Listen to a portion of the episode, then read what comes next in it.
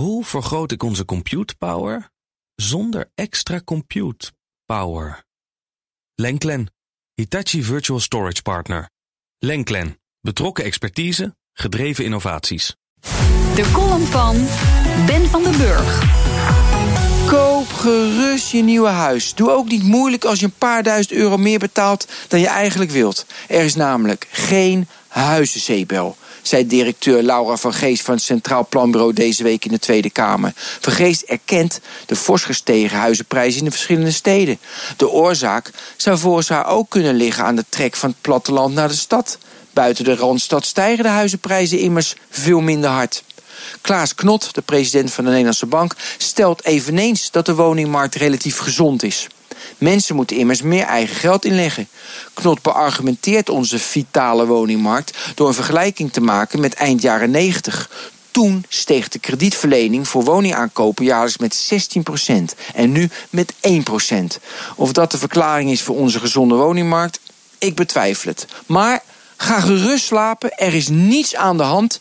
Koop het slecht onderhouden appartementje van 48 vierkante meter voor 3,5 ton. Leg al je spaargeld op een hoop. Loop naar de bank, leen voor 2,5% het maximale bedrag dat je kunt lenen. En verblijd jezelf met je droomhuis. Negeer dat de totale hypotheekschuld het record van 2012 in 2017 verbroken heeft. Deze bedraagt ruim 670 miljard. Je kunt het negeren omdat die 670 miljard slechts 92% van ons nationaal inkomen is. De rentes staan laag. De totale waarde van onze woningen bedraagt 1650 miljard. Dus we praten over. En rentes die stijgen nooit meer en huizenprijzen dalen nooit meer. Dus kom op mensen, morgen schijnt de zon weer, alles komt goed, kopen die huizen. En vergeet voor gemakshalve die starters die niets kunnen kopen, die moeten maar gewoon meer sparen. En vergeet ook de huurders in het middensegment, die moeten gewoon zorgen dat ze kunnen kopen. En bij dat soort fratsen denk ik altijd terug aan ons meest legendarische Prinsjesdag uit de geschiedenis van ons land. Dat was 16 september 2008. Terwijl Lehman Brothers omvat en de financiële crisis in de Verenigde Staten in al zijn hevigheid woedt, leest onze koningin de troonrede voor. Ze zegt dankzij de inspanningen van het afgelopen jaren staat de Nederlandse economie er relatief goed voor. De werkloosheid is laag. Sinds het jaar 2000 is de koopkracht per huishouden gemiddeld met 12% gestegen. Ons pensioenstelsel en andere sociale voorzieningen zijn solide.